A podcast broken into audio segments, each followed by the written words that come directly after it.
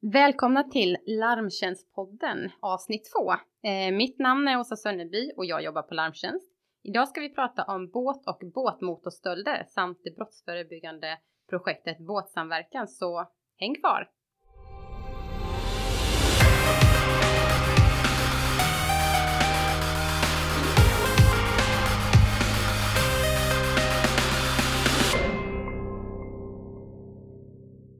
Hej alla lyssnare och välkomna till andra avsnittet av Larmtjänstpodden. I den här podden så berör vi olika områden inom brott och brottsbekämpning. Podden finns att ladda hem på iTunes och på Soundcloud. Tycker man att man saknar någonting så kan man mejla till larmtjänstpodden larmtjänst.se. Men nu så kör vi igång med dagens avsnitt och som gäst har jag Thomas Andersson från polisen och Karina Birking från Larmtjänst. Hej på er! Hej! Hej! Eh, Thomas, kan inte du bara kort presentera vem du är? Ja, jag heter då Thomas Andersson och jag jobbar då på polisen i Region Väst. Eh, men jag jobbar även nationellt då för, för NOA då och sitter då på Utvecklingscentrum Väst och är då verksamhetsutvecklare för det som då kallas båtsamverkan inom polisen. Och Karina, vem är du? Ja, jag jobbar på Larmtjänst och är ansvarig för allt som har med båt att göra. Båtar och båtmotorer och eh, jobbar också tillsammans med Thomas i båtsamverkan. Och Carina, vi kan också nämna det att du som många av dina kollegor, ni har också ett eh, förflutet inom Polismyndigheten. Ja, vi är alla före detta poliser och eh, det är väl ett, en bra erfarenhet att ha med sig när man samarbetar med polisen i olika ärenden. Ja, om vi går över till dagens avsnitt som idag ska handla om eh, båtrelaterade stölder. Eh, just nu är vi faktiskt inne i en period där stölderna av båtar och båtmotorer ökar. Enligt siffror från Brå, om man tittar på halvårsstatistiken, så såg man faktiskt att eh, första halvåret 2016 så stals det, eh, nu ska vi se om vi har siffrorna här, 1079 motorer och det var faktiskt en ökning med hela 30 procent i landet. Vad Thomas, ni gick också ut nyligen med siffror eh, om eh, båtmotorstölderna i Sverige. Eh, då hade det gått ner lite, jag tror att det var en ökning med cirka 8 procent. Kan inte du berätta lite, vad är det man stjäl och vad är det som är de mest drabbade områdena? Ja, det stämmer i alla fall siffrorna där. Det är en ökning då på Sverigenivå med 8 procent. Eh, och eh, eh vi, vi, eh, det som ökar nu det är ju då att just efter sommaren när semestern är slut man åker hem till sina sommarstugor, man börjar jobba. Eh, då har vi sett inom många, många år tillbaka att det ökar just stölderna. Eh, och då, då pratar jag på västkusten nivån naturligtvis eftersom det är där jag verkar. Men det, det är naturligtvis så att det är så över hela Sverige. Att i september, oktober då är det en enorm ökning och då är det just båtmotorerna man stjäl. Och då stjäl man ju då lite större båtmotorer.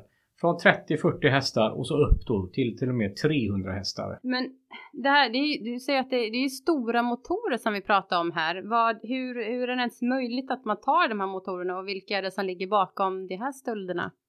Ja, alltså ska man ta de här stora motorerna så, så det är ju en enorm logistik som krävs. Eh, när vi har dem att de stjäl dem inne på varvsområden och kanske det försvinner en 6-7 båtmotorer och det kan vara alltifrån 150 hästar och uppåt till 300 hästare så är det en enorm logistik. Alltså man måste vara ett antal personer och man måste jobba metodiskt för detta. Så de är jätteduktiga de här båtmotortjuvar AB som jag säger då. Är det så att man är ute i en hamn och ska stjäla en båtmotor som då är kanske 50 hästar och uppåt.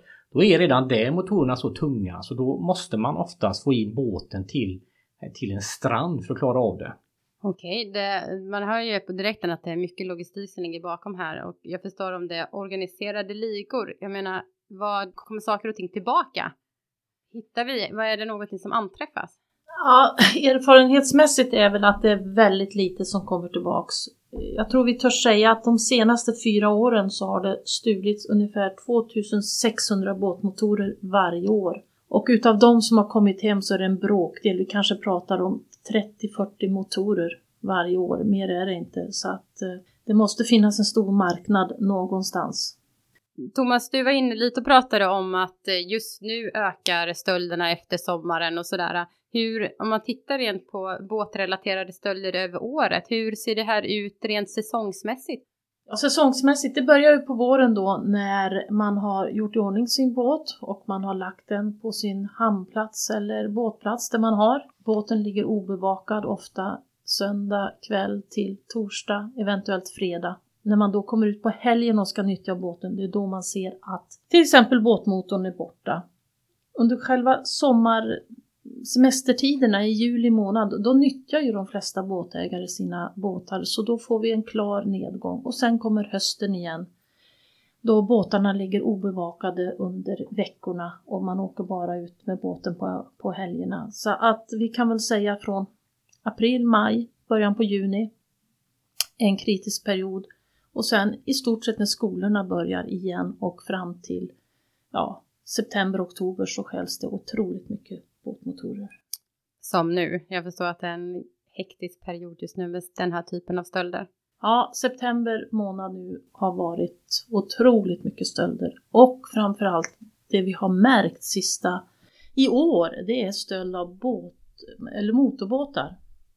En klar ökning mot tidigare år, eh, vilket är lite märkligt. Vi får titta på det senare i år här och se hur det ser ut.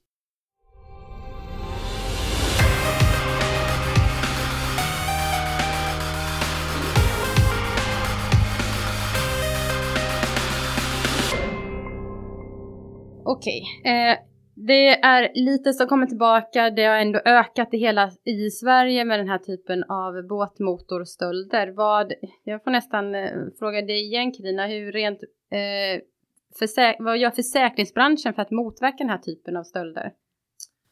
Försäkringsbranschen försöker att hjälpa polisen ekonomiskt eh, med material till bland annat båtsamverkan då som är ett koncept som vi har sett gjort ett jättebra resultat. Västra Götaland kan ju verkligen påvisa siffror där till och med ett försäkringsbolag har sänkt premien för att stölderna har minskat så mycket. Så det gäller att stå bakom polisen och se till att de får det material de behöver. Allt till skyltar, västar, eh, trycksaker, mässor med mera.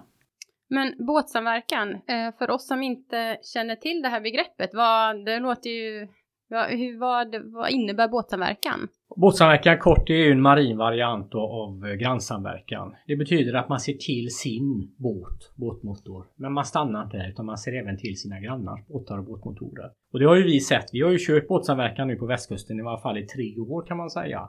Och, och, förutom då att eh, statistiken, vi har ju minskat nu. Vi minskade ju ordentligt i fjol eh, till, i år, till mellan 2014 till 2015.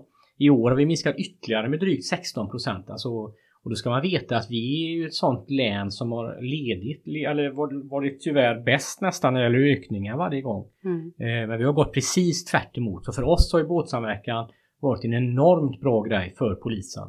Eh, det innebär ju att det blir mycket, mycket färre anmälningar att skrivas. Det blir mycket, mycket färre brottsoffer. Eh, det blir mycket, mycket färre gripna, vilket är, är massa arbete för, för krim. Det är ju arbete för tingsrätter och så vidare.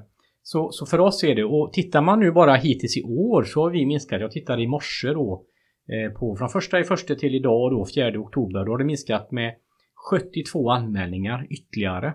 Så vi, vi sticker verkligen ut. Alltså vi trodde ju kanske att någonstans så, så kommer det att jämna upp sig med stölderna, att det lägger sig kvar på en nivå. Men vi fortsätter att sjunka. Och det är stora tal för vår del. Ja. Eh, jag har ju tittat lite på den här statistiken också och jag har ju sett det när man tittar på eh, på Västra Götaland och Halland så har man ju faktiskt sett att det har ju minskat eh, den här typen av stölder också. Men vad som är intressant, som jag tycker man kan lyfta också, det är ju att de båtklubbarna som använder sig av båtsamverkan, där minskade, men det har förflyttat sig till de klubbarna som kanske inte använder båtsamverkan. Ja, så är det ju. Och för vår del, just när vi pratar september, oktober, eh, vi brukar ju säga det att man måste verkligen gå på tå. Eh, där har ju vi haft vår ökning i år. Vi har ju haft jättebra siffror och, och, eh, men nu har vi jättemycket stölder då. Men det är ändå mycket mindre än vad det var tidigare år. Och det är också så här att tack vare att vi har båtsamverkan, vi har fungerande samverkan med de här olika båtklubbarna runt om i Region Väst. Vi är lite, lite mer på västkusten och lite färre i inlandet då, Skaraborg, Älvsborg. Eh, men det är också så här, skulle vi få en ökning i ett område då har vi ju redan verktyget. Det hade vi inte innan. Vi kan alltså snabbt få kontakt med de här båtklubbarna för att gå på tå och motverka då en uppkommande trend då. Men vad innebär båtsamverkan rent praktiskt? Båtsamverkan innebär att är man intresserad i en klubb och starta upp det här som heter båtsamverkan, då tar man kontakt med polisen. Och då har vi då eh, kontaktpoliser då, personer som jobbar i alla våra polisområden. Vi har fem polisområden och lite beroende på om det är som Storgöteborg då är det lite fler personer som är kontaktpersoner där. Då tar man kontakt med den i det geografiska område man bor och då eh, träffas man, man går igenom på Larmtjänsts hemsida där ligger ett litet dokument som heter Samverkan mot brott som är då på 21 sidor.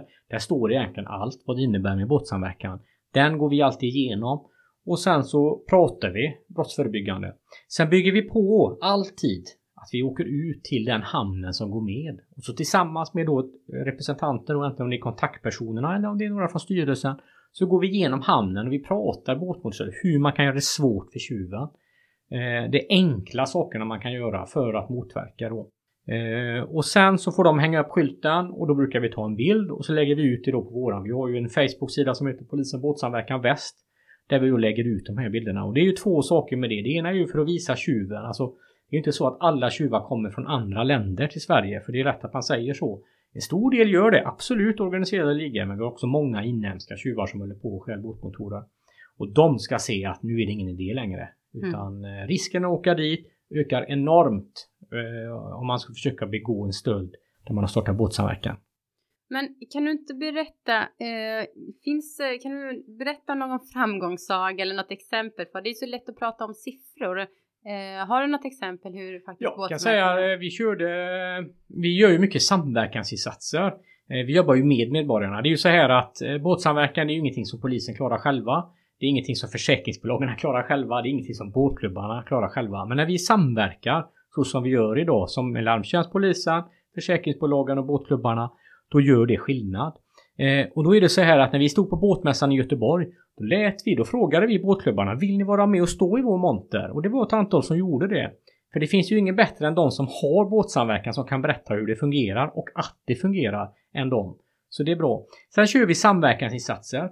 Och för vår del så skrapade vi ihop och körde en insats samma vecka som vi har midsommar på, i Bohuslän. Det är den tuffaste veckan för oss polisiärt sett. Men vi körde två nätter tillsammans och det kunde vi göra med en liten polisresurs men vi aktiverade båtklubbarna. Och precis samma sak har vi kört i veckan här nu. Eh, när hummer, premiären av hummerfisket är, då brukar stölderna öka. Och eh, vad hände när vi körde våran samverkansinsats? Inte en enda stöld de två nätterna. Eh, och vi var ungefär kanske 10 poliser som var aktiverade och så var det kanske 90-100 eh, andra som var båtsamverkare som var med i den här insatsen. Och vi samverkade allihopa inom en, en, en eh, sms-tjänst då, så alla kunde se vad vi gjorde och, och hålla kontakt med varandra. Eh, och det gjorde vi för ett år sedan också.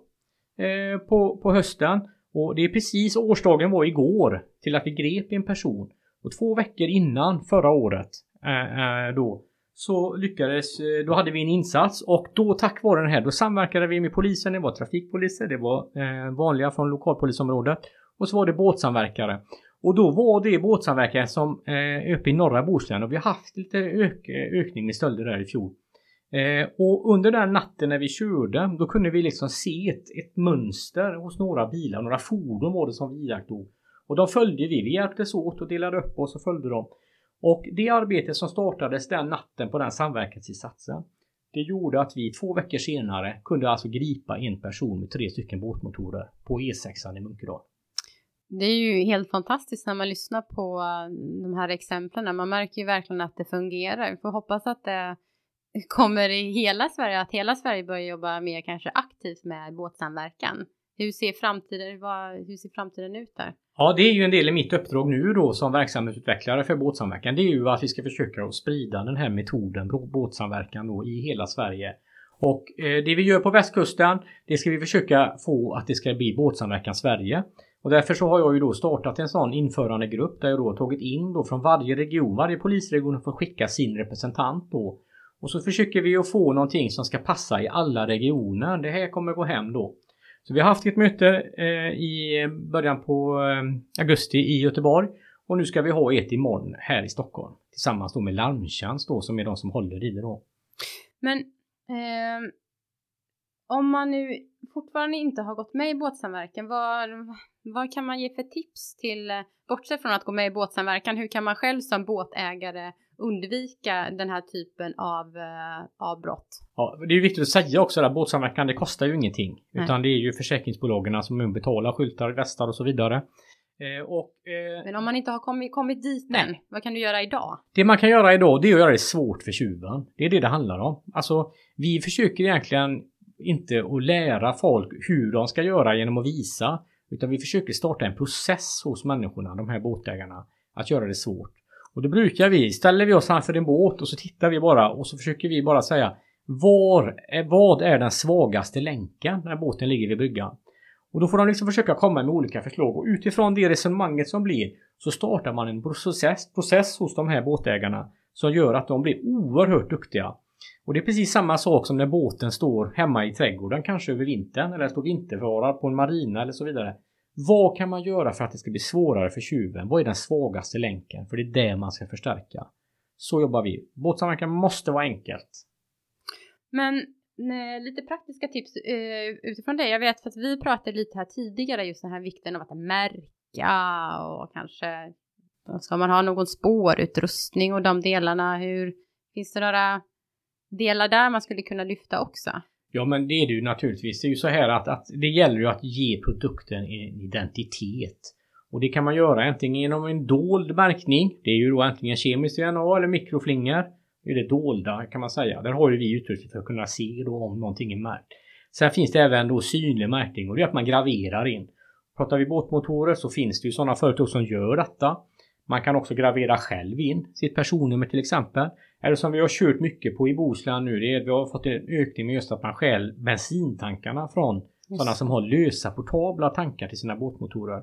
Att man nu ska börja märka de tankarna. Och det kan man göra att man skriver ut si- sitt namn på ett vitt papper i datorn och så eh, telefonnummer, personnummer kanske. Och sen så håller man det på tanken och så ristar man in det med en gravyrmaskin. Eller så tar man en vass spik helt enkelt och försöker få in någonting. Bara man gör så att eh, produkten blir eh, sökbar. Och eh, kallas man något speciellt smeknamn så kanske alla vet det i just den hamnen. Men det är bättre att man skriver ett telefonnummer i så fall. För att eh, eh, så fort det förs, förs, förs iväg en bit ifrån så är det inte säkert man vet vem det här smeknamnet är. Utan det ska vara en bra identitet man skriver in. Personnummer eller telefonnummer. Vi har, jag tycker vi ändå har sammanfattat eh, båt, båtsamverkan väldigt bra här. Eh, Karina, har du någonting kort som du skulle vilja lyfta innan vi kanske avslutar det här poddavsnittet? Ja, jag skulle vilja påtala vikten av att man skriver upp vilket skrovnummer man har på sin båt och vilket motornummer man har och gärna ta kort på sin båt som man har hemma, inte i båten. Väldigt vanligt att när folk blir av med båt eller båtmotor så vet man inte vad man har för ID-nummer. Så det plus ID-märkningen som Thomas pratade om, det är jätteviktigt.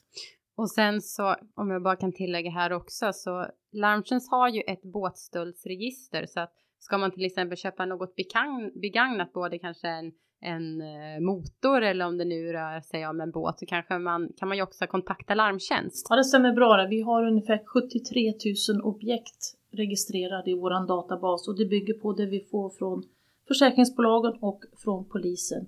Och det vi registrerar ska vara sökbart så att alltid kolla hos oss när ni ska köpa något begagnat och även kolla hos polisen.